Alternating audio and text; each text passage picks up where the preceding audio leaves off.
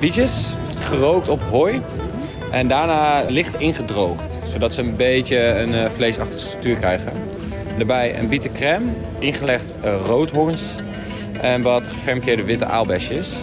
En de kruiden zijn valeriaan, shiso en rode zuring. En er komt een jus bij van bieten en dulce. Ik ben kookboekenschrijver en tv-kok Jigal Krant. En dit is de Vegan Lekkerbek. De culinaire podcast die bewijst dat engeltjes geen dierlijke producten behoeven om uitbundig op je tong te piezen. In aflevering 2 laaf ik me aan mijn favoriete fruit, de aubergine. Fruit? Ja, fruit. Beoordeel ik de plantaardige kwaliteiten van vega restaurant Bois in Zaandam. En waag ik me, zei het met gezonde tegenzin, aan plantaardige zalmfilet. Zoals in iedere aflevering doe ik dat niet alleen. Mijn gast van vandaag is niemand minder dan bekroonde Indo-rocker, vermaard Indo-stokker, verstokte Italo-zakker, prettig gestoorde gezondheidsgoeroe, la bella polastrella, Vanja van der Leden. Dankjewel, wat een leuke intro. ja, goed hè. Iedere gast krijgt het onthaal dat hij of zij verdient. Welkom in de Vegan Lekkerbek. Ik open met de vraag die ik aan al mijn gasten stel aan het begin van de show. Wanneer heb jij voor het laatst veganistisch gegeten? Oeh, nou moet ik even goed nadenken. Want uh, ik kom net terug van vakantie waar ik ontzettend veel vlees heb gegeten. Dus misschien was het wel met jou bij restaurant Bois. Ja, maar dat is niet helemaal eerlijk. Dat is het restaurant waar we samen vegan hebben gegeten om hier in de show te recenseren. En dat is alweer een tijdje geleden. Je bent inmiddels op vakantie geweest. Je was in Italië, weet ik. Ja. ja. Instagram weet ik dat. Ja. En in Italië heb jij geen één keer vegan gegeten? Uh, nee. Ik ben zelf helemaal geen grote vleeseter. Maar ja, er zijn gewoon bepaalde gebieden in ieder geval dat is niet zoals ik het Toscane heb uh, leren kennen met ontzettend veel vlees. Dus porchetta en allemaal affettati, lardo, allemaal. En het is heel goed. In Nederland vind ik het vlees überhaupt niet zo lekker. Dus Je bedoelt niet het is heel goed om vlees te eten, maar je bedoelt het vlees het, het, het smaakt lekker en het is... Ja, waar het vandaan komt, dat weet ik niet. Maar uh, het smaakt in ieder geval stukken beter dan in Nederland vaak. En dat stuit jou niet tegen de borst om de hele tijd vlees te eten? Nee, want ik, nou ja, ik heb je wel eens gehoord over alle... Over schuldgevoel. Ja. Ja, en toen zei jij tegen mij, ja, maar wat heb je aan het schuldgevoel als je het vervolgens toch blijft doen? Dus toen dacht ik van, weet je, dat schuldgevoel, dat uh, laat ik maar uh, lekker uh, achterwege. En ja, ik, ik vrees dat ik gewoon toch mijn hele leven wel af en toe vlees blijf eten. Maar ik vind het ook ontzettend belangrijk om als kookboekenschrijver heel veel vegetarische opties te bieden. En uh, nou ja, het was ook een beetje, hè, omdat je op vakantie bent, denk je, nou ja, maar nu, nu kan ik die porchetta eten. Maar als ik dan thuis ben, ja, dan taal ik daar helemaal niet naar. Ik mag aannemen dat iedereen met een bovengemiddelde culinaire interesse weet wie er nu aan het woord is. Maar laat ik je ten overvloede toch even nader introduceren. Hoewel jij al jaren recepten schreef en ook foodstyling deed, kwam drie jaar geleden, als ik het goed heb, jouw eerste kookboek Indo-Rock uit. Dat was een liefdesverklaring, een beetje tegen wil en dank aan Indonesië. Waarmee je uh, Pardoes ook het Gouden Kookboek won. Dat is echt alleen de aller, allerbeste vergeven. ik nam het stokje over van jou, herinner ik me. oh ja, ja. En daarop verscheen de onvermijdelijke spin-off, Indo-Stok. Een ode aan de Indonesische snack die we allemaal verkeerd klaarmaken en verkeerd uitspreken, namelijk een saté. Ja, klopt. Correct en uitgesproken. Net toen we je Amas in het hart hadden gesloten als de nieuwe Lonnie, gooide jij het over een totaal andere boeg. Begin dit jaar verscheen Insane, een heel persoonlijk, openhartig kookboek dat je schreef naar aanleiding van je getroubleerde relatie met eten, waarin je alle recepten liet testen door een diëtiste, maar dat we absoluut geen dieetboek mogen noemen. Nee, want dat is het niet. Het is niet uh, bedoeld om af te vallen of zo. Het is gewoon om, uh, om, om een beetje lekker en normaal en gezond te eten. Want het, het gezonde eten is iets wat voor heel veel mensen een soort moedje is. En het is ook heel moeilijk, want de ene keer zijn gluten de duivel, dan weer is suiker uit den boze, dan weer is vet de boosdoener. En ja, zo is er iedere keer wel wat. En het is ook ontzettend moeilijk om met wetenschappelijk onderzoek aan te tonen dat een bepaald voedingsmiddel een bepaald effect heeft. Nou ja, dus daar wilde ik gewoon heel graag een de gulden middenweg allemaal is het een beetje slecht en mag je dus ook het een beetje eten. Nou ja, dat is onder andere de boodschap van het boek. Kijk, ik dacht, als ik nou alleen nog maar Indisch uh, boeken ga maken, dan op een gegeven moment sta ik inderdaad in een sarong. Uh, ieder jaar op de Passermalm. En, en, en dat is het dan. ongetwijfeld goed, want jou staat alles ongeveer goed. Je bent ook veelvuldig te bewonderen in je boeken, gefotografeerd door je man, ja. Remco Kraaienveld. En jullie volgende project is ook geen Indonesisch kookboek, hè, maar een Italiaans kookboek. Ja, en dat uh, heeft weer te maken met het feit dat ik in mijn jonge jaren Italiaanse taal en letterkunde heb gestudeerd. Ik heb het overigens niet afgemaakt. Toen ben ik uh, in Italië gaan wonen. Eerst in Rome, later in Florence. En eigenlijk heeft die periode in Italië mijn liefde voor eten, die ik toen al had, want dat is, ja, dat heb, uh, eten, dat is vanaf mijn geboorte eigenlijk mijn grote liefde geweest. Uh, die liefde voor eten is eigenlijk alleen maar versterkt in Italië. Omdat ze daar, net als in Indonesië, alleen maar met eten bezig zijn de hele dag. En als ze het niet maken of niet eten, dan praten ze erover. Ze hebben allerlei discussies over, moet dit er nou wel in, dit niet? En uh, het is een heel gastvrij volk, Italianen zowel als uh, Indonesische mensen. Ja, bijna overal in de wereld, behalve in Nederland. Zo ongeveer. Nee, dus uh, nou ja, er zijn gewoon veel overeenkomsten, denk ik, tussen de Indonesische en de uh, dan wel Indische en de Italiaanse keuken. En buiten, tuurlijk praten ze over meer dan alleen uh, eten, maar het gaat wel veel over eten. Ja. En ze weten er gewoon bovengemiddeld veel van af. En dat is gewoon mijn land. Net als, kijk, Indonesië is, vind ik ook een geweldig land. Maar het staat natuurlijk, ik ben een Europeaan. Dus het staat ietsje verder af van mij. Ik denk dat de Italiaanse cultuur nog iets dichter zit bij, bij mijzelf. Ja, we hebben het allemaal kunnen zien op Instagram. Je rondzwerving in Italië deze zomer. Je bent net terug. Ja. Prachtig ja. gebruind. Ja. Ik zag posts voorbij komen vanuit de Toscane, Genoa, Bologna, ja. Chioggia. Het geheime Venetië, ik ben Ja. ook geweest. Gelegen aan dezelfde lagune als Venetië. Met dezelfde grachtjes, dezelfde puntbruggetjes. Maar dan met auto's en helemaal zonder toeristen. Niemand die het kent. Overigens komt daar dus de Chioggia beet vandaan. Die beet met die rode... Die roze- nergens naar smaakt, maar er wel mooi nergens uitziet. naar smaakt. En die de chefs altijd rauw in plakjes over gerechten eh, draperen. En ja, waar ik zelf inderdaad echt helemaal niks aan vind. Nee, maffia, scooters en liedbeat. Dat is eh, zo ongeveer het enige slechte wat Italië te bieden heeft. De Chioggia beet. Ja. En de uitspraak is ook vaak nog wel een uitdaging voor mensen, vind ik. Maar het is dus Chioggia beet. Net zoals bruschetta en Chianti. Ja. Omdat de CH in het Italiaans als een K wordt uitgesproken. En wanneer moet het boek af zijn? Was dit het qua reis? Dit was het zeker nog niet. Dit was eigenlijk een snuffelstage. En eh, we moesten ook gewoon eh, op vakantie. Eh, dus we hebben ook heel rustig aangedaan. Maar de rest van het jaar heb ik eigenlijk allemaal al reizen geboekt. In de herfst ga ik naar Sicilië. In de winter wil ik naar Londen. Omdat daar een hele grote gemeenschap Italiaanse chefs zit. Die op een hele spannende manier koken.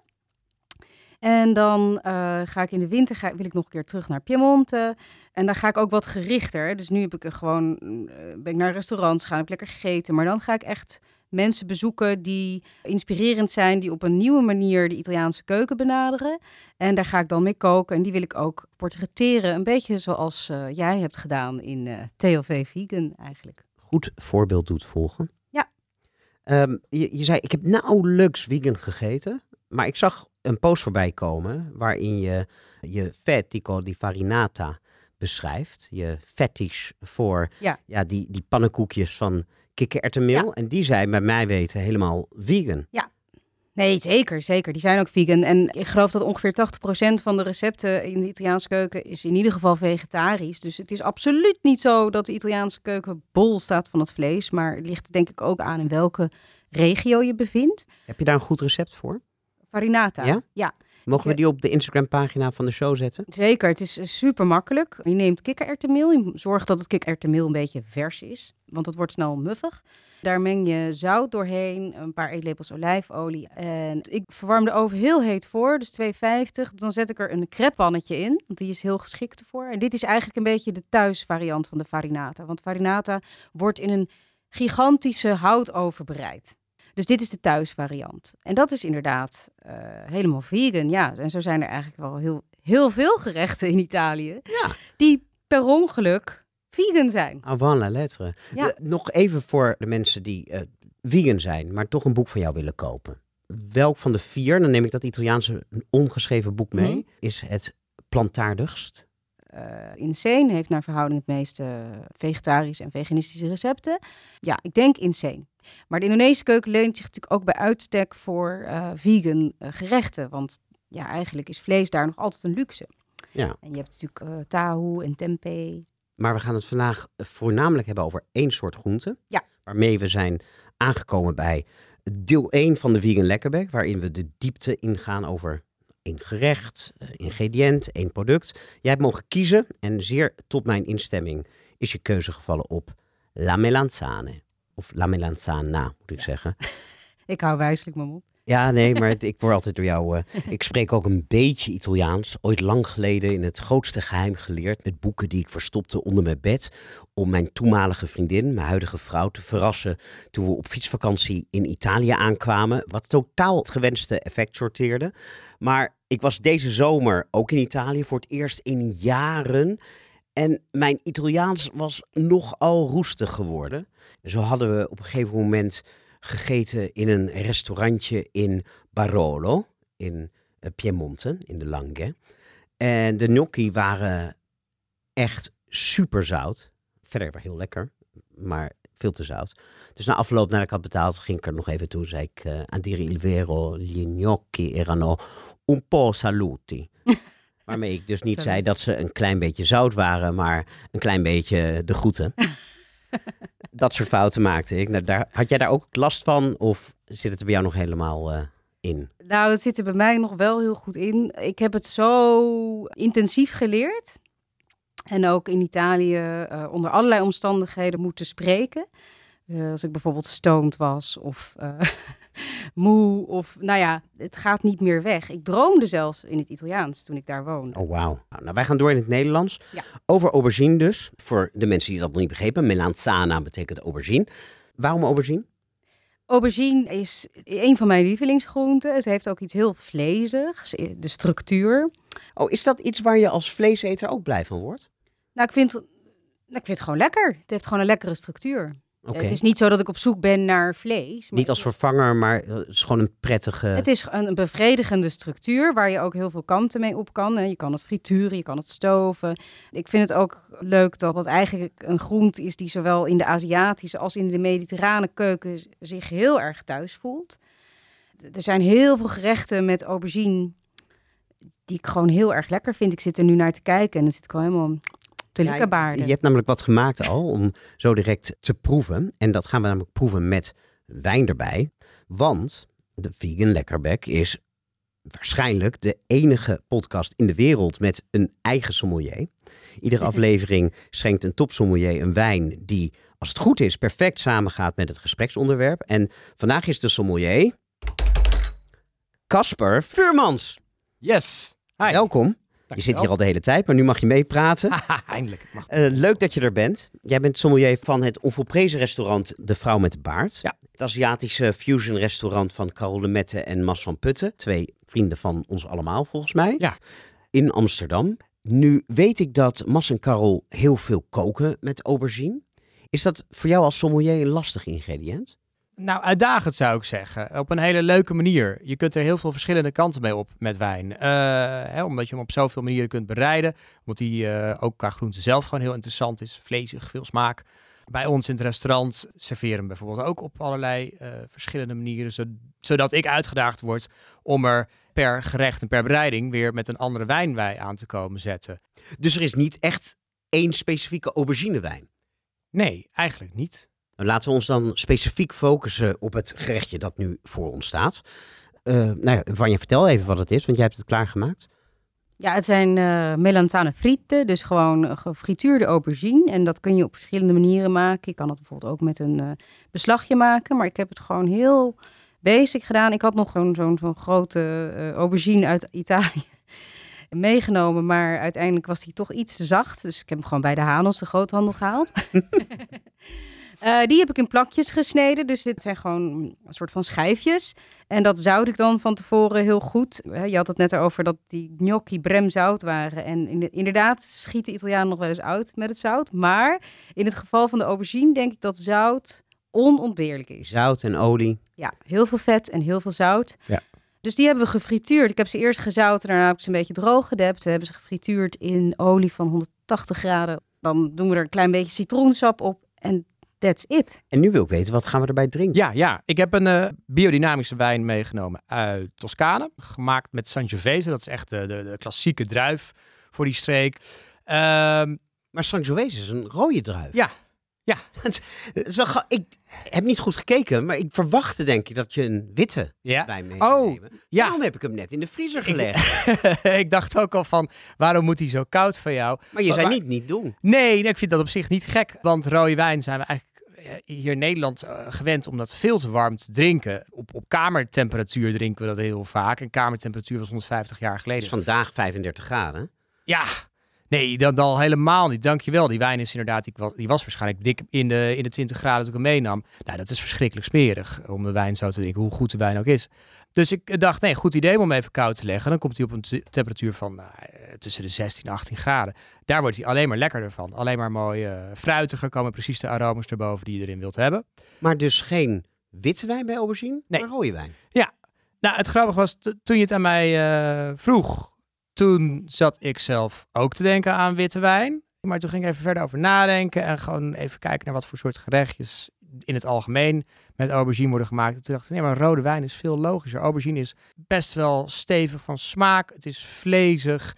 Er zijn heel veel recepten waarin er ook, eh, hè, afhankelijk van de bereiding, dingen bij komen. Waardoor het veel logischer is om er rode wijn bij te zetten. Ehm, kijk, rode... Je zei net, Ja, het leuke van aubergine is dat er heel veel verschillende bereidingen mogelijk zijn. Ja. Wij hebben op dit moment een, een gefrituurd auberginegerechtje voor ons staan. Dat is dan echt een bereiding van aubergine waarbij je meteen aan Sangiovese, aan rode wijn denkt. Ja, want dan eh, krijgt zo'n aubergine veel smaak. Het, hij wordt echt lekker wat zoutiger. Eh, de umami komt er heel erg in naar voren. En hij wordt lekker crunchy van textuur. En dan is het fijn om daar een wijn bij te hebben. Met, en, dat vet ook nog erbij trouwens eh, van het frituren. Dan is het fijn om daar een wat steviger wijn tegenover te zetten qua smaak. Met veel fruit. Een beetje rood fruit is dan lekker. En voor dat vet ook fijn als het wat tannines heeft. Want dat gaat dan met elkaar een beetje spelen. Eh, hè, de tannines die breken de vetten een beetje af. Dus dat zorgt ervoor dat de aubergine wat minder vet proeft. En dat die wat frisser wordt. Als je Eh, echt tannines wil, dan moet je naar Piemont of zo, toch? Sangiovese is niet een heel tannineuze wijn. Niet heel erg. En dat moet bij een aubergine ook niet. Eh, het is natuurlijk niet alsof je een groot eh, stuk vlees aan het eten bent. Maar een beetje mag wel. En die zitten in een Sangiovese ook echt wel op een fijne manier. Nou, waar wacht je op? Vol- volgens mij heb je dorst. Ik wil de proef op de som nemen. Ja, nee, we gaan het proberen inderdaad. Zo. Dan eerst een hapje aubergine en dan de wijn, of andersom? Ik zou gewoon lekker even wat aubergine en dan de Ja, wijn erbij dat zou nemen. ik Dat ook is doen. volgens mij de Ja. mooiste volgorde. Ik neem de dunste. Ben je op dieet? Nee, maar die is lekker knapperig, Ja. dacht ik. Maar ze staan natuurlijk al eventjes. Gefrituurde aubergine, Ja. zout en een beetje citroensap. Heeft ook iets pittigs, hè? Dat vind ik lekker. Hmm. Dat het een beetje prikkelt op je tong. Ja. Nu zijn we de helft van de luisteraars kwijt. Mm. Hij is inderdaad perfect op temperatuur. Goeie combi. En de Ja. combi, eh, Oh, dit is echt heel erg lekker Ja. zo hoor. Jeetje. Je bent helemaal tevreden. Je hebt in je hoofd gemaakt de combi, maar hij werkt. Ja. Ja. Nou, gefeliciteerd. Nou, dankjewel. En, en voor de mensen thuis, maak je een gerecht met, waarin gefrituurde aubergine de boventoon voert.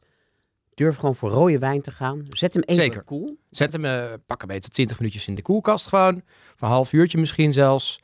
En kies dan dus voor een Sangiovese of een Nero d'Avola of een een Montalcino d'Abruzzo. Ja. Een, een soepele Italiaanse wijn. Eh, soepel met eh, net een beetje maar zuurtjes. Dat zit in de meeste Italiaanse wijnen, rode wijnen eigenlijk wel. En als je van iets meer fruitig houdt, dat kan ook. Dan kom je een beetje in Zuid-Italië, Puglia terecht. Dan je, heb je ook nog primitivo's die vaak heel veel fruit en een beetje wat, eh, wat meer kruidigheid hebben. De soort van kruidigheid. Denk aan kaneel, kruidnagel, die ook allemaal super lekker smaken met aubergine. Heerlijk.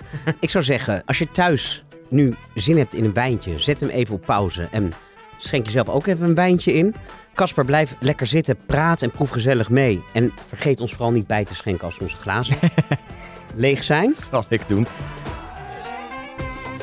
Wij gaan het dus hebben over aubergine vandaag. Je kent vast wel het Arabische spreekwoord dat zegt dat als een vrouw niet minstens, het hangt eraf wie je spreekt, 50 of 100 verschillende bereidingen van aubergine kent, is zij niet geschikt voor het huwelijk. Oh, nee. Nee, ken je die niet? helemaal niet. Nee, niet een heel erg woke Dat is gezegde. natuurlijk weer een trucje van mannen om die vrouwen van de straat te houden. Nou, ik denk dat de boodschap van dit gezegde niet per se is dat het enige recht van de vrouw het aanrecht is, al druipt het seksisme er wel vanaf, maar dat je zo ontzettend veel kanten op kunt met aubergine. En nu heb ik jouw kookboeken erop nageslagen. En als de maker van het register geen steek heeft laten vallen, dan bevat Indorok 2, Indostok 0. Nee, in de stok wel één. Dus dan moeten we bij Sophie zijn. Bij Sophie, we hebben dezelfde uitgever.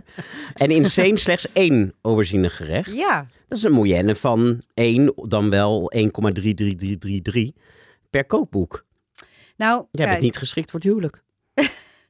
nou kijk, wat ik altijd in mijn kookboeken wil ik een divers eh, palet laten zien van verschillende gerechten. En bijvoorbeeld zoals Emma, de tours, weet je, die ook bij uh, Nijgen zit, die, die heeft gewoon in haar boeken altijd een aubergine hoofdstuk. Ja, zo had ik het natuurlijk ook kunnen doen. Ja. Ik bedoel, het is eigenlijk heel, eh, heel geniaal. Maar ik, ik heb altijd iets, ja, er zullen altijd mensen zijn die niet van aubergine houden. Dus nou, ik, ik probeer in ieder geval in Indrok de krenten uit de pap te halen. Wat Mhm. betreft gerechten. Dat je, want je hebt heel veel gerechten die op elkaar lijken. En in Indostok, ja, heb ik één aubergine saté bedacht. Maar goed, eh, meer dan één vind ik ook wel genoeg. Eh, tenminste, niet- meer dan één hoeft niet. Nou, ik verwacht minstens drie aubergine gerechten in het Italië kookboek. Hoe gaat het eigenlijk heten? Heb je al een naam? Ik heb al een naam, ja. Maar die, heb ik nog nooit aan iemand verteld eigenlijk. Nou, we hebben een primeur, mensen. Kom maar. Italo Pop. Italo Pop. Woe! ja, En ik weet eigenlijk niet of dat woord dus wel- Italo Popper had ik kunnen zeggen in, de, Italo in het intro. Het is wel van rock naar pop. Ja, Dat is wel, dat glij is wel een keuze hoor. Ja, je af. glijdt wel een beetje af dan. Nee, het, het, het, het gaat er meer om van de, de populariteit ook. En volgens mij is... Ik vraag me eigenlijk af of Italo-pop een woord is in het Italiaans. Want in het Italiaans heb je het over Italo. Mhm. Dus ik, misschien is dit wel iets van ons. Maar het, is, het staat heel erg voor de jaren tachtig. En in heel veel opzichten vind ik dat Italië ook eh, een beetje in de jaren tachtig is blijven hangen. Ik denk niet dat heel veel, sommige mensen mij dat niet in dank gaan afnemen. Maar dat geldt natuurlijk niet voor alles. Maar voor veel dingen, ja, toch wel. En het is ook een heel leuk tijdperk waarin ik zelf opgegroeid ben. Eh, dus Maar goed, de vraag was... de vraag was, ik Komt weet het niet in meer. Italo Pop, mag ik nog een stukje Oh ja. daar komen, Komen er veel- minstens drie Minstens, ja. aubergine Ik bij de-. En in Insane, in mijn gezonde kookboek, had ik inderdaad, wilde ik nog een aubergine gerecht opnemen, maar ik wist eerlijk gezegd niet, en dat heb ik sinds vorige week eh, ontdekt, dat er heel veel vezels in aubergine zitten. Oh. Ja, Daar had ik nog nooit van gehoord. Ja, nou ja, dat wist ik wel. Ja, jij Want wist in mijn wel. laatste kookboek, TLW Vegan, staat een aubergine venkelsoep. Waarbij ik de soep door een puntzeef haal om hem mooi romig te maken. En dan blijft echt in die puntzeef een ongelooflijke hoeveelheid ja, prut achter. En dat zijn allemaal vezels. en die at je dan daarna Nee, ik dacht van, je maak je een dip, een dip van met wat olijfolie. Maar het is, het is gewoon Niet lekker. lekker, niet lekker in je mond. Nee. Het is wel grappig, ik heb echt nog nooit van soep van aubergine gehoord. Dat is een van de weinige dingen waar ik aubergine dan weer niet mee zou associëren eigenlijk. Nou, ik weet dat jij TLW Vegan hebt. Het Ja. recept staat erin. Nou, ik ga er... Ik, Ik ga dus, ik was er ook niet aangetrokken tot dit recept, maar nu, nu ik weet dat, oh nee, de vezels zijn eruit. ik ga het Het toch is, een keer maken. Het, het is echt een heel lekker recept, al zeg ik het zelf. En nog, nog heel even, ik zag nog wel een leuk verband. Jouw vorige boek heette Insane. Ja. Weet jij, eh, Casper, ik vraag me eerst aan jou, omdat ik vrees dat Van ja het gewoon weet. Waarom aubergine in het Italiaans melanzana heet? hij doet nu alsof hij niks zegt omdat zijn mond vol is. dat geeft me ook een beetje bedenktijd. Ehm, Jij weet het, neem ik aan. Nou, ik, ik heb het opgezocht, maar eh, mela betekent natuurlijk gewoon appel. Dus Mhm. en, Oh ja. en alleen, ik, ik had het vanochtend nog eventjes opgezocht, de etymologie van melanzana. En toen kwam ik uit bij eh, een Arabisch woord.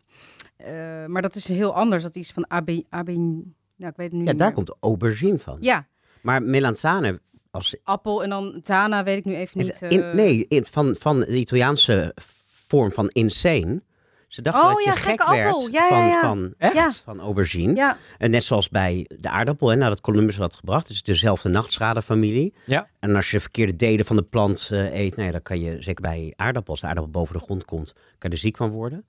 Dus er ontstond al heel snel een gerucht dat je gek werd als je aubergine eet. Ja. En daarom werd het gekke appel Mella insane. ja. En zo hebben wij een prachtige connectie Ja. tussen jouw boek Insane en de aubergine, waar we het nu toch echt over moeten gaan hebben nu, anders wordt die... Ja, ik wil nog even, want eh, welk recept... Ik heb dus in Insane een recept opgenomen en dat is de ratatouille.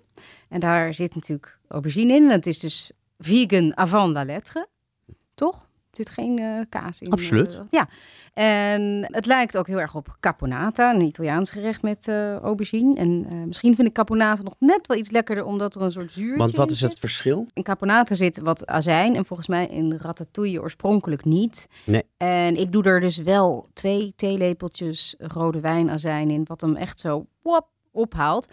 En over ratatouille, daar heb je eigenlijk twee kampen. Er zijn mensen die houden van grote stukken, hè, van waar, waarop je nog kan kauwen. En er zijn mensen die houden van hele jammige, zachte, zondoorstoofde aubergine. Nou moet jij raden in welk kamp ik zit. Nou, ik zit absoluut in een tweede kamp, maar als je het zo zegt, dan zal jij wel in het eerste kamp zitten. Nee. Nee. Nee, nee, nee. Tweede kamp. Dat klinkt ook lekkerder, het tweede. Ik denk dat ik ook Ja. van het tweede Ja. ben. Nou, wat ik absoluut niet lekker vind aan aubergine is als die niet goed gaar is en niet goed gezouten is. En hè, dus als die inderdaad nog bite heeft, dat vind ik echt goor. Ja, maar aubergine is een van de. En dat, dat, het is een mysterieuze vrucht ook. Want het is een vrucht, hè? het is Ja. geen groente.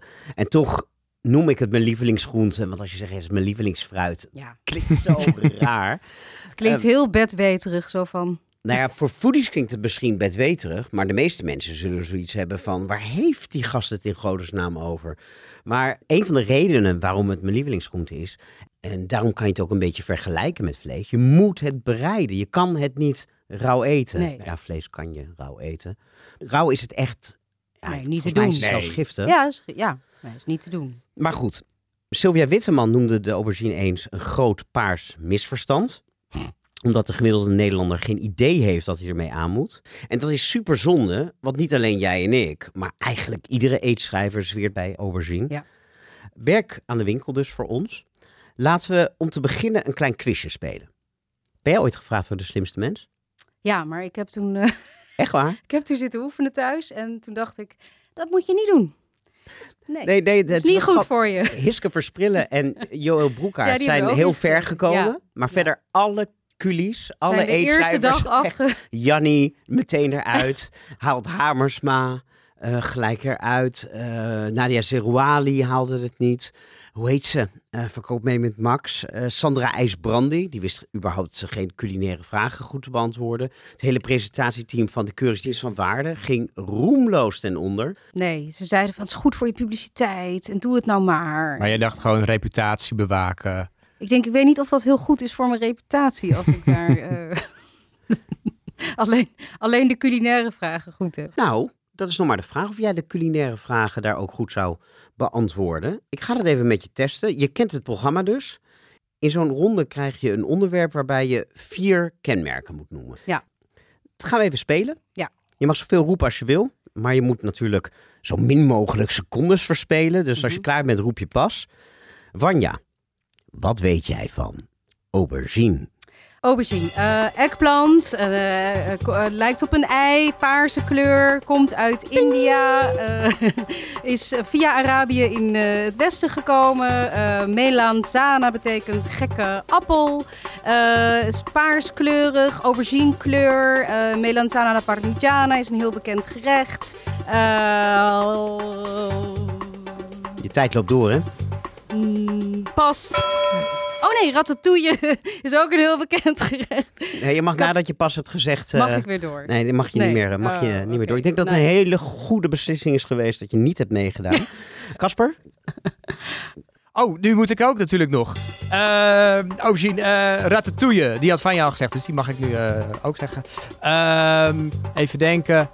Eh, je hebt volgens mij eh, mannelijke en vrouwelijke aubergines. Eh, hè, dat heeft iets met die zaadjes te maken. Dat kun je aan de buitenkant zien of zo, maar ik weet niet precies hoe. Eh, verder denk ik aan baba ganoush kun je ermee maken. Uh, moussaka, heerlijk gerecht. Ehm ik, ik, nee, pas. Zullen we even luisteren? Want hij zat in dit seizoen van De Slimste Mens. Wat weet u trouwens van de aubergine? De aubergine is een uh, groente. Hij is paars.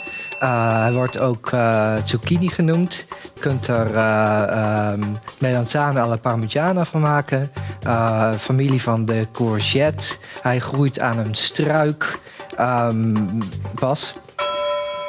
Charlie wordt de emoticon van een penis vaak gebruikt. En nee, pas. Loes? Moussaka. Is het familie van de nachtschade? Ik, uh, nee, pas. Maar je moet, uh, dat weet jij natuurlijk beter dan wie dan ook, een bestrooien met zout. Een hm. half uurtje ja. lang. Want dat verzacht de bittere smaak. Niet ja, waar? dat wist ik. Ja, had het maar gezegd. Ja, dat wist hij, maar daar klopt dus helemaal geen bal van. Hè? Ze zeggen het is een groente. Nou, we hebben zojuist al gezegd, het is geen groente. Nee. Hij is paars. Nee, hij is vaak paars, maar hij kan ook groen zijn Ja, of wit, wit. of gestippeld of Ja. gemarmerd. En waarschijnlijk is hij ook ergens blauw en geel en eh, rood verkrijgbaar. Dus dat komt ook al niet. En dan moet je natuurlijk net de tegenwoordigheid van geest hebben dat het ook een emoticon is. Hadden Die is jullie wel ook leuk. allebei niet. Nee, had ik totaal niet aan gedacht. Nee. Maar het mooiste is die laatste. Want in de Vegan Lekkerbek mogen we graag culinaire mythes ontkrachten. En dit is een hardnekkige. Casper bracht trouwens ook nog een broodje aap naar voren. Namelijk dat er vrouwelijke en mannelijke aubergines zouden zijn. Ja, Daar zo meer over. Eerst over de bewering dat aubergines gezouten zouden moeten worden om de bittere smaak weg te halen. Je krijgt er dus punten voor in de slimste mens. Maar het is Niet in de keuken. bullshit. Nee, ja, je zout het omdat het lekker is. Eh, en vroeger waren aubergines bitterder, maar dat hebben ze eruit gekweekt. Maar het neemt niet weg dat het een heel goed idee is om aubergines vooraf te zouten. En dat geldt trouwens voor heel veel producten. Dat je ze even van tevoren zout. Niet op het allerlaatste moment, maar Ja, het enige is wel dat je de aubergine dan echt goed droog moet deppen. Zeker als je gaat frituren. Want door het zouten komt gewoon heel veel vocht naar de buitenkant van de aubergine. En in het frituurvet spettert dat als een dolle. ja. En de temperatuur van de olie daalt gigantisch. En alles wat je in olie frituurt die niet heet genoeg is, wordt slap en vet. ja. En dan mag je aubergine goed op smaak zijn. Maar als die slap en vet is, is hij nog steeds niet lekker. Dan de zojuist door Casper aangehaalde bewering dat er mannetjes en vrouwtjes aubergines zouden bestaan. En dat dat dan consequenties zou hebben in de keuken. ja. Echt een prachtig verhaal, maar totale onzin. Oh, Je zou bij het uitkiezen hè, van de mooiste aubergines alleen de mannelijke exemplaren moeten kiezen. want die hebben minder Die pitjes. zouden minder zaadjes bevatten. Ja. Je zou daarom kosten wat het kost moeten voorkomen dat je de vrouwtjes mee naar huis neemt. Want de zaadjes die daar bovenmatig in zouden zitten zijn bitter en knisperen alleen maar hinderlijk in je mond. Nou, behalve dat het niet bepaald woke klinkt, is het ook gelukkig een broodje aap. Maar je leest het echt te pas en te onpas in kookboeken, in encyclopedieën over voedsel. En het idee is dat je aan de onderkant van de aubergine het geslacht zou kunnen bepalen. Want jij zei net bij het quizzen dat je niet wist hoe je kon zien of het een mannetje of een vrouwtje is. Ja, Nou, als daar een ovaal gleufje zit, ah ja. wat vrij logisch in de oren klinkt voor iedereen die wat van de anatomie van de mens weet, dan zou het een vrouwtje zijn. En de mannen zouden herkenbaar zijn aan een rond kuiltje, wat me dan weer alles behalve mannelijk voorkomt. Maar ik heb het gecheckt bij een aantal biologen en het zit zo. Het klopt dat de aubergineplant zowel een mannelijke als een vrouwelijke kant heeft. Ja. En daardoor is er kruisbestuiving mogelijk tussen delen van de plant. Heel handig. Maar de vruchten, die hebben geen geslacht. En als je ze al als mannelijk of vrouwelijk zou willen typeren, dan zijn ze vrouwelijk, want ze groeien bij de vrouwelijke bloemen.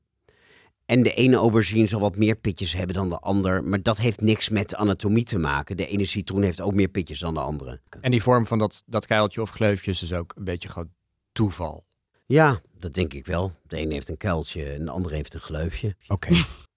Of misschien is dit hele onzinverhaal juist ontstaan vanwege die twee verschijningsvormen en heeft men daar een mooi verhaal bij bedacht. Aubergines hebben trouwens ook vaak van die gekke vervormingjes, waardoor ze neusjes krijgen. Of Dat iemand- klopt. Kan je hele leuke dingen mee als je er oogjes op plakt. en ze dan in het vuur legt, dan ziet het er heel zielig uit. Maar waar moeten we wel op letten in de winkel? Nou, op de stevigheid. Ik bedoel, het heeft verder niet echt geur, dus dat, dat, ik ga er niet aan ruiken. Zoals bij een meloen. Ja, of, of tomaten, weet je wel. Dan wil ik er nog wel eens aan ruiken. Maar eh, ja, met de stevigheid. Hij moet strak in zijn velletje zitten. Ja, Je leest ook vaak dat hij moet glimmen.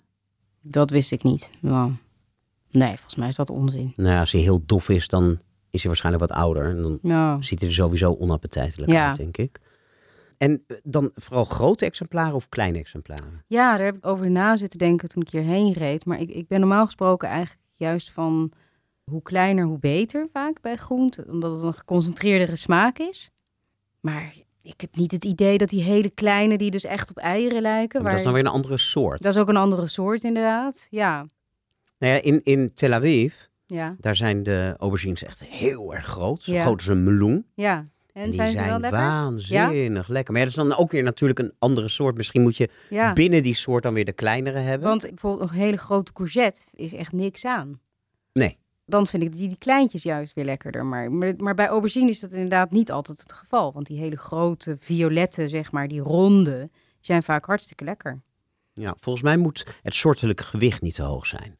Dus moet hij relatief licht zijn. Ja. Dus als hij voor zijn grootte heel zwaar is, dan is dat geen goed teken. En waarom dan? Wat is daar dan Nou ja, de als, als, er- achter? als hij wat ouder wordt en die pitjes gaan zich helemaal ontwikkelen, dan is hij zwaarder, relatief. Ze zijn soms een stuk lichter inderdaad dan je zou verwachten. Het heeft een heel, ja, beetje verwarrend soms dat je denkt, oeh, aubergine, dat die dan heel vederlicht voelt. Ja, dat is volgens Dat mij een goed teken. En ik Ja, merk ook vaak als ik die doorsnij, dat er dan eh, helemaal niet van die vermalendijde pitjes in zitten. En dat ze prachtig wit van binnen zijn. Mag ik jou iets vragen? Ja, tuurlijk. Hoeveel auberginegerechten staan er in jouw boek?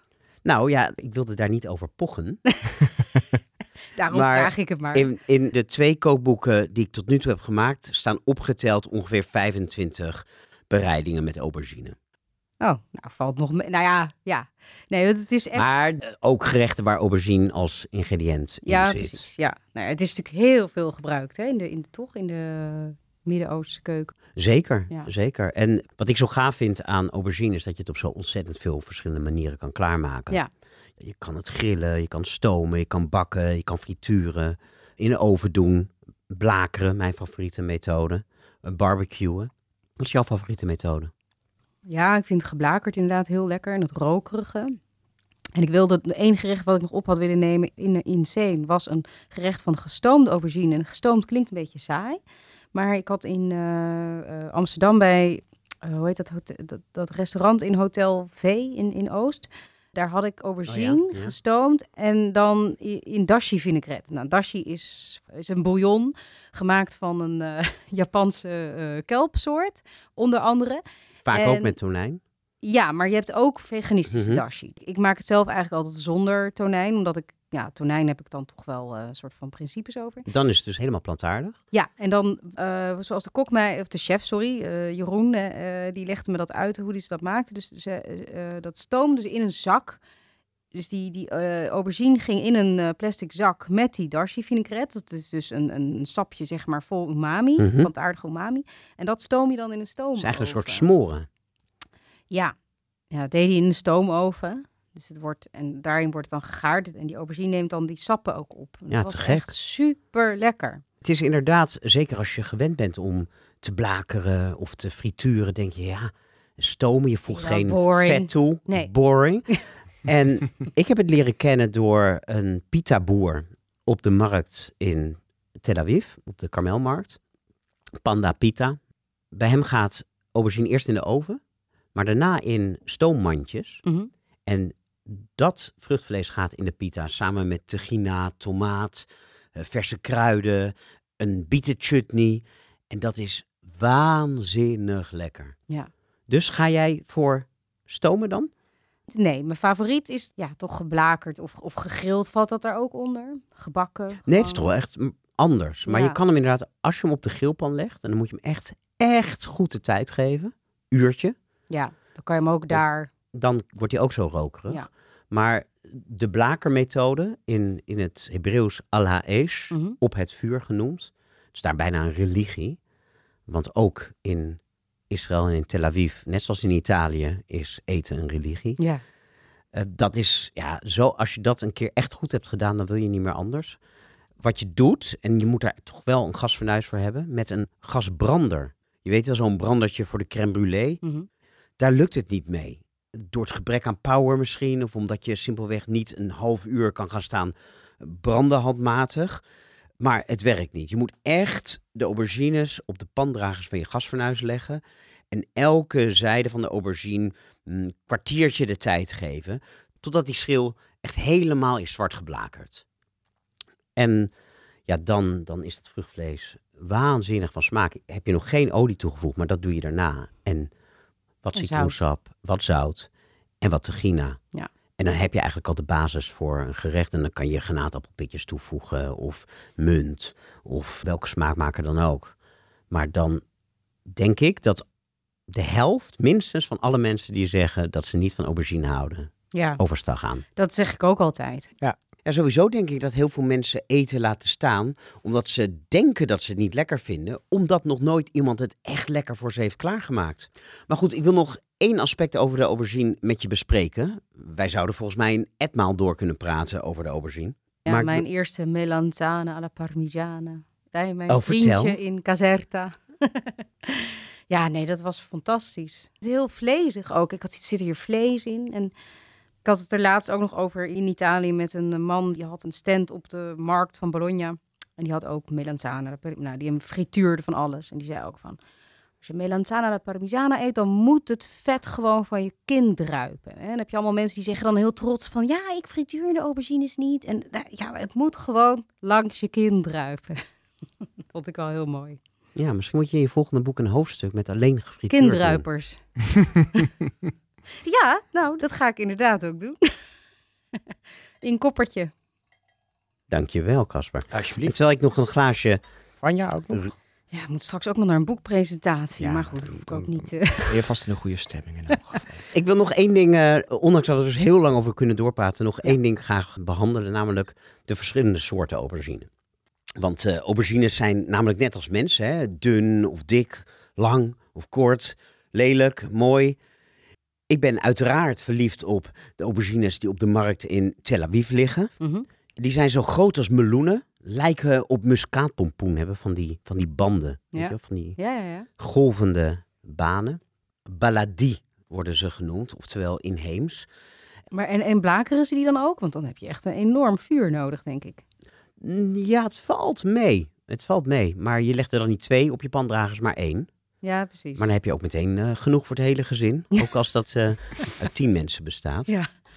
Ik neem ze altijd mee. Laat ik ze op de markt in plastic wikkelen. En dan gaan ze gewoon mee in de koffer.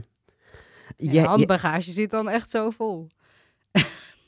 Als je dat in je handbagage... jawel, maar ik heb een appartement, eh, of mijn ouders hebben een appartement in Tel Aviv. Dus ik heb, hoef nauwelijks eh, kleren mee te nemen. Dus alles wat ik mee terugneem, dat is Eten. eten. Ken jij deze? Ik laat even een fotootje op mijn eh, telefoon zien. Het ziet eruit als een tijgertomaat. Maar Ja, hè? Ja. aubergine? Nou, ik was eh, bij Ido, een bevriende chef in Tel Aviv. En die liet me al met een twinkeling in zijn ogen iets proeven. En vroeg me, vertel me wat je proeft. Het zag eruit als tomaat, maar dit is Turkse aubergine. Oh, oh oké. En- Het ziet er gewoon heel gaaf uit. Ja. Dat is Ja, wel een beetje, al die aubergines smaken nog altijd naar aubergine. De ene is wat, wat romiger, de Ja. andere heeft wat meer pitjes. Maar de onderlinge verschillen zijn veel minder groot dan bijvoorbeeld bij appelsoorten of bij verschillende meloenen. Waar gaat jouw voorkeur bij eh, aubergines naar uit? Je hebt natuurlijk ook die hele lange Ja, die vind, ik ook, Chinese of eigenlijk ja. Taiwanese. die vind ik ook lekker. Die zijn ook praktisch, omdat ze snel gaar zijn. Ja, maar helemaal niet praktisch als je ze wil blaken. Nee, want ze... Nee, inderdaad. Nee, totaal niet. Ze worden heel snel zacht. En ze behouden wel iets van hun kleur. Dus ze zijn ook fotogeniek.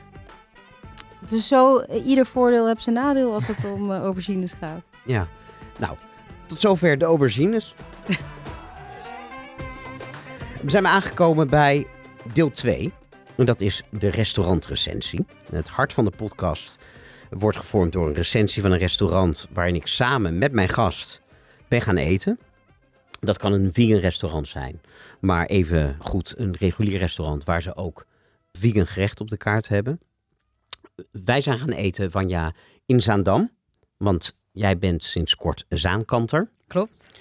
We waren naar het Hemburgterrein. Dat is een industrieel complex aan de oever van het Noordzeekanaal. Uh, vlakbij het pontje dat vanuit het uh, westelijk havengebied in Amsterdam naar Zaandam gaat.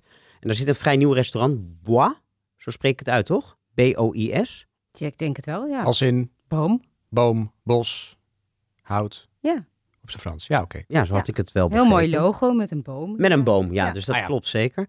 Ze hebben een volledig vegetarische kaart. Maar als je bij je reservering aangeeft dat je wingen wil eten, is dat geen enkel probleem. Het, was, het is al een tijdje geleden dat we daar eh, waren. Er is een hele vakantie overheen gegaan. Dus we moeten even diep graven in onze herinnering. Maar voordat we alle geuren en smaken gaan oprakelen uit de krochten van ons geheugen. Ik neem altijd mijn microfoon mee naar het restaurant. En die probeer ik dan ergens te verstoppen, zodat we hier in de studio een beetje de sfeer kunnen oproepen van het restaurant dat we bespreken. En je hoort het al, het was nogal leeg.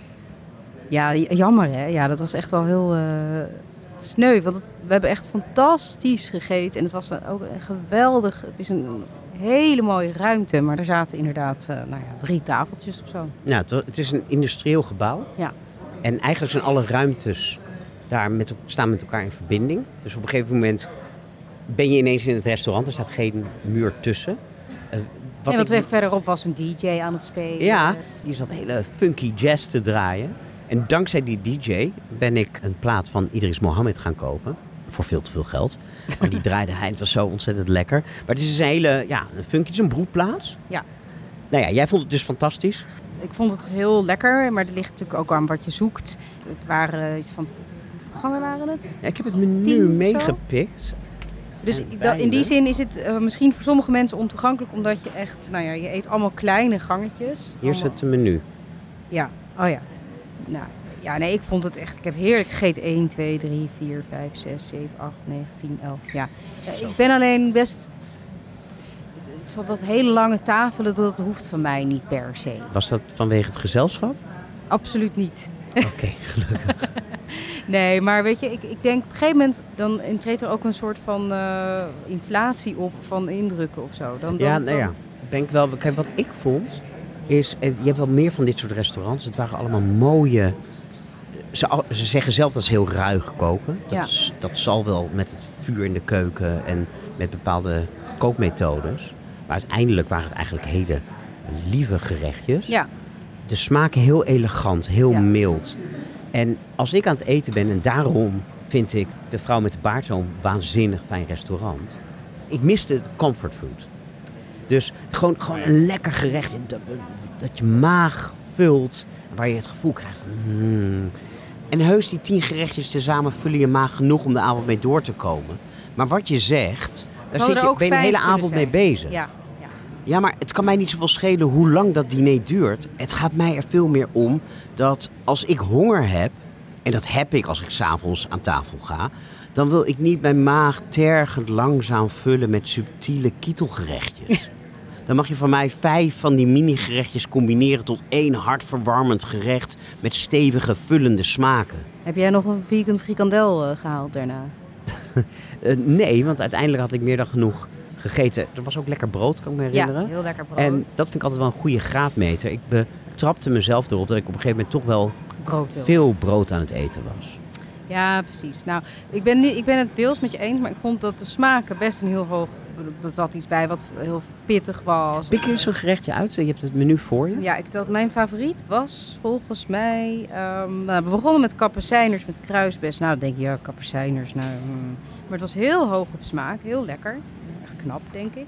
Ik denk dat de doperwten met eh, soja habanero, dat dat mijn favoriet was. Want die waren ook... Ja, die waren heel lekker. Die Er waren zat ook een zoetje, er zat iets van cranberry in of zo, Ja. toch? En de soja was dan een soort crème. En die crème was gewoon heel rijk. En, en ja, dat was echt comfortfood. Maar dan wel inderdaad een, een tipje, zoals in de horeca zeggen. Een heel klein bakje. Een tipje comfortfood. En ik vond de pruikzwam heel erg lekker bereid. Was dat ook weer? Ja, dat was die zwam. En dat, ik zei, toen het kwam, zei ik, ah, vegan zwezerik.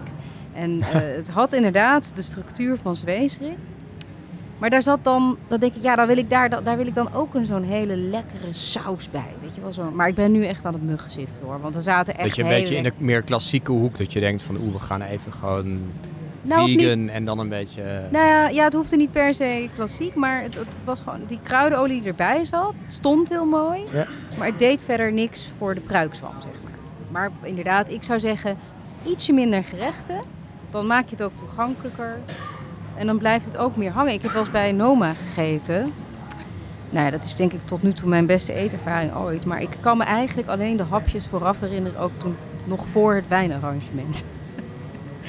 Nee, maar ik bedoel, van zoveel restaurants waar er zoveel gangen zijn, op een gegeven moment weet je het niet. Nee, dat is een beetje een overdaad natuurlijk, kan ik me Ja, voorstellen. maar de, de, de, de ervaring toen ik thuis kwam was gewoon was heel erg positief. Ik had lekker gegeten.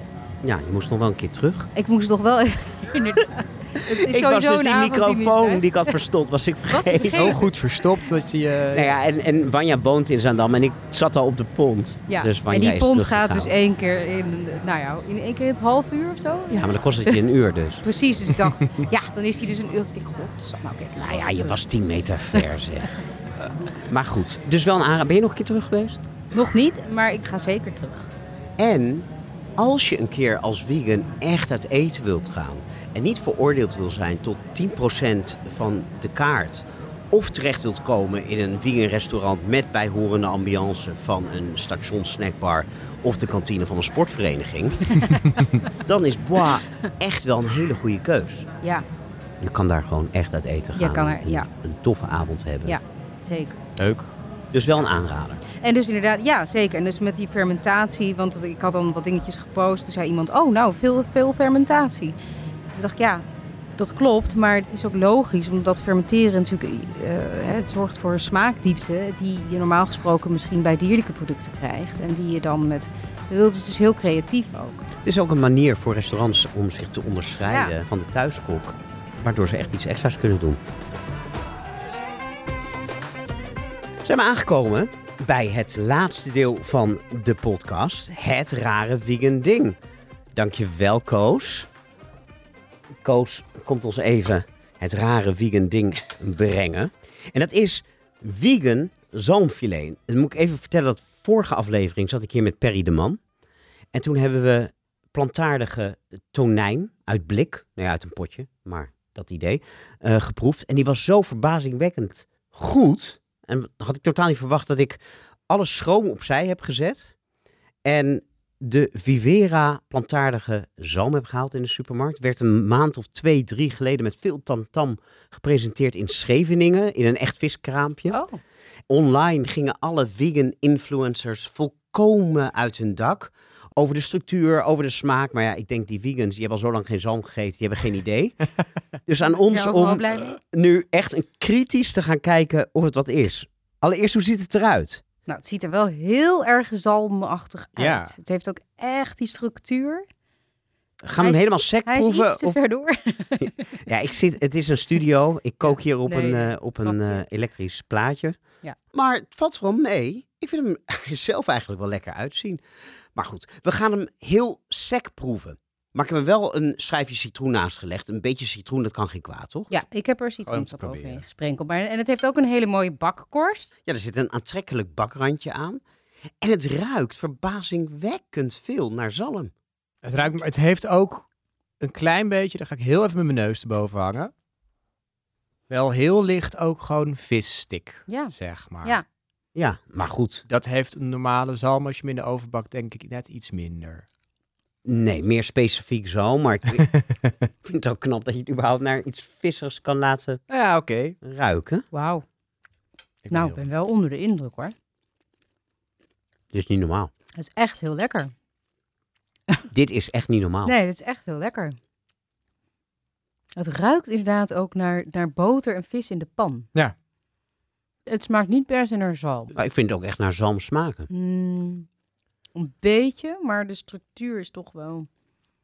Nou, Maar we eten het nu sec. Maar als jij een pasta Ja. maakt met stukjes van deze zalm erin. ja. Maar ja, het is echt wel heel goed hoor. Eigenlijk lijkt het, is nu een beetje mijn voorzichtige conclusie. Nadat we in de vorige uitzending ook al onder de indruk waren van de vegan tonijn van Garden Gourmet. En geloof me, dit is een rubriek waar we niets en niemand sparen en alles zeggen wat we willen zeggen. Maar de voorlopige conclusie is dus misschien wel dat visvervangers beter op het origineel lijken dan vleesvervangers. Ja. Want ik vind ze echt best goed te doen hoor, die vegan kippenschnitzels. Maar die vind ik toch echt minder goed lijken op kip. Dat Dan dit, op, de- op zalm Ja. lijkt. Ja, Ja. absoluut. En die Sangiovese, die is er ook hartstikke lekker bij. Ja, ik dacht eerst, dat wordt natuurlijk helemaal niks, maar... eh, Nee. Gaat heel prima. Nou, ik moet wel zeggen, maar dat is vaak zo als je zoiets proeft. Bij de eerste hap denk je, wauw, wat knap. Maar als je dan door eet, denk je, ik weet niet of ik dit nou elke avond wil eten. Ja, maar wat ik ook vaak bij vleesvervangers heb, is dat ze zo zout zijn dat het gewoon bruist op je tong. En dan heb je inderdaad geen zin om door te eten. Dan denk je bij het eerste hapje van, hm, lekker hartig. Maar hier is dat niet. Het, de zoutbalans is wel in orde, vind ik. ja, het is Toch? lekker zoutig. Ja, en het is niet Precies, alleen maar zout. Nu ben ik wel heel benieuwd wat we dan wel aan het eten zijn. Ja, Even kijken, hier is de verpakking. Op basis van tarwegluten. Dus eigenlijk een beetje als seitan. Oh my god. Pinda's? hè? Nee, nee, nee. Vanja Oh, die ja. is allergisch voor pinda's. Maar voor zover ik weet niet voor een- tarwe. Ik heb een soort glutenfobie. Nee hoor, grapje. Nee, maar dus als je geen gluten eet, Dan, vegan dan- bent en geen gluten eet, dan kan je dit niet eten. Ja. Nou ja, ik verheug me op de eerste keer dat we in deze rubriek een raar vegan ding totaal gaan neersabelen. Maar vandaag is het gewoon nog niet zo ver. Integendeel zelfs. Ik had er stiekem wel gehoopt dat, dat we het lekker konden gaan afvakkelen. Maar Ja. dat vind ik gewoon leuk met dit soort dingen. Ja, Maar- nee, maar dit is echt, echt heel lekker. Dus zij dan, ja, zij dan, dus het gluten hebben natuurlijk de, het kenmerk dat ze wat elastisch zijn en dingen binden. En dat heeft dit heel erg. Maar wat ik ook heel knap vind, is is dat tussen die flakes hebben ze wat vet gestopt. Een beetje wat ze bij dat Redefine meat ook hebben gedaan. Dus dat tussen die flakes die zo van elkaar afgaan, daar zit wat vet. Waardoor, vet is natuurlijk heel lekker. En Ja. dat geeft de smaak extra power. En ik kan me echt voorstellen dat als je hier iets mee gaat klaarmaken met andere smaakmakers. Ja. Het is een cliché, maar dat je dan echt mensen voor de gek kan houden. Ik zou zeggen, als je, als je hier iets bij doet, dat, want het, het enige wat het net niet heeft, is dat het, het, het, het precies vissige van zalm, zeg maar. Dat zit er net niet helemaal, maar dat is denk ik ook bijna Onmogelijk. onmogelijk. Nou, Ja. dat denk ik Maar ik niet. denk dit is dat- eigenlijk is dit de eerste generatie. Ja? Nou ja, als er een tweede en een derde en een vierde generatie komt, dan kan het dus alleen nog maar beter worden. Ja, Ja, oké. en dan zeggen tegenstanders, want er zijn tegenstanders, Mag vis zeggen, waarom moet je zo nodig vis eten? Ik moet zeggen dat ik wel een klein beetje tot die groep behoor. Ik denk altijd van zoek naar een leuk alternatief. Maar als het zo goed is als dit, Ja, maar niet iedereen kan dat. Kijk, voor mensen die heel veel koken en die zelf de creativiteit bezitten om ja, van groente iets heel bijzonders te maken, Dat is dit waar. niet nodig. Maar voor mensen die, want je wint namelijk een hele grote groep mee. Ja. En je kunt ook groepen aanspreken die misschien flexitariër worden daardoor. Dus ja, Nee, dat klopt. In die zin is het eh, inderdaad wel heel slim. En bovendien denk ik, als je eenmaal er voorbij bent, dat het een, de- dan, dan ga je een beetje voorbij aan het punt dat er nog vlees of visvervanger is. Dat je gewoon zegt, dit is lekker. het is gewoon lekker. Gewoon om te eten. Punt uit. Ja, En mensen zeggen dan, maak dan gewoon iets nieuws wat lekker is. Maar ja... Ja, dat bestaat, dat, dat, kan niet. Nee, maar het is ook voor mensen- Eh, referentiekader. Als wij marsmannetjes tekenen, hebben ze ook altijd ogen, misschien één, maar en, en, en benen en armen. Wij kunnen niet iets Nee. verzinnen wat we niet kennen. Nee, je kunt geen Nee. eten bedenken dat nog niet bestaat, als in volstrekte originaliteit Nee, op en gebied. inderdaad. Nee. Als mensen, hè, als je meer mensen minder vlees en vis wilt laten eten, denk ik dat je meer kans maakt met vleesvervangers. Niet, bedoel, dat, dat is misschien niet op ons van toepassing, maar wel op. eh, Oh ja hoor, hele ik heb ook niet mensen. altijd zin om een of ander moeilijk. Nee, toch? En bovendien, ik heb kinderen van eh 12 en 13. En die, Willen soms een hamburger? die houden niet van aubergine. Nee. En ik weet zeker dat ze dit wel lekker vinden. Ja. Nou ja, dan eindigen we de aflevering opnieuw vol lof over het rare vegan ding. ik neem nog een eh, slokje van de wijn, even kijken of het goed erbij gaat. Ja, verbazingwekkend goed. Mm. Maar we moeten ook niet al te interessant en overdreven doen over wijn-spijscombinaties. Ik vind het leuk om elke aflevering hier een sommelier uit te nodigen, zodat de luisteraars ook wat leren over hoe je gerechten combineert bij wijn. En dan kan je ook echt een keer meemaken wat het is als die twee elkaar ondersteunen.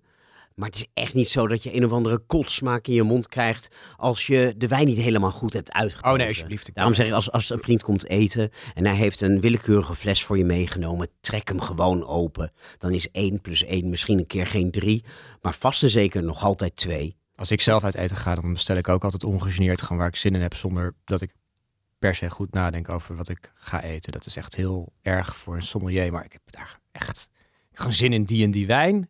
En die ga ik gewoon drinken dan. Ja. Nou, en met deze ontboezeming eindigen we de tweede aflevering van de Vegan Lekkerbek. Nog even de oproep om allemaal een kijkje te nemen op de Instagram-pagina van de Vegan Lekkerbek. Simpelweg at de Vegan Lekkerbek geheten. Daar vind je alle info over wat we vandaag besproken hebben, inclusief een auberginegerecht van Vanja en van mij. Heb ik nog niet gevraagd, maar dat vind je vast goed. Ja hoor. Nou, ja hoor. Mocht je nou zelf een raar vegan product hebben geproefd dat of super lekker was, of juist onbeschrijfelijk ranzig was, en je vindt dat wij dat in de podcast moeten proeven, laat het dan ook weten daar. Nou, dan zit deze aflevering er echt op. Bedankt voor het luisteren. Microphone Media, bedankt voor de gastvrijheid, Koos en Frank. De studio in Amsterdam-Oost, waar we al onze afleveringen opnemen. En Casper en Vanja, jullie bedankt voor het komen en alle wijsheden. Ik zou zeggen, legaim. Legaim. Legaim.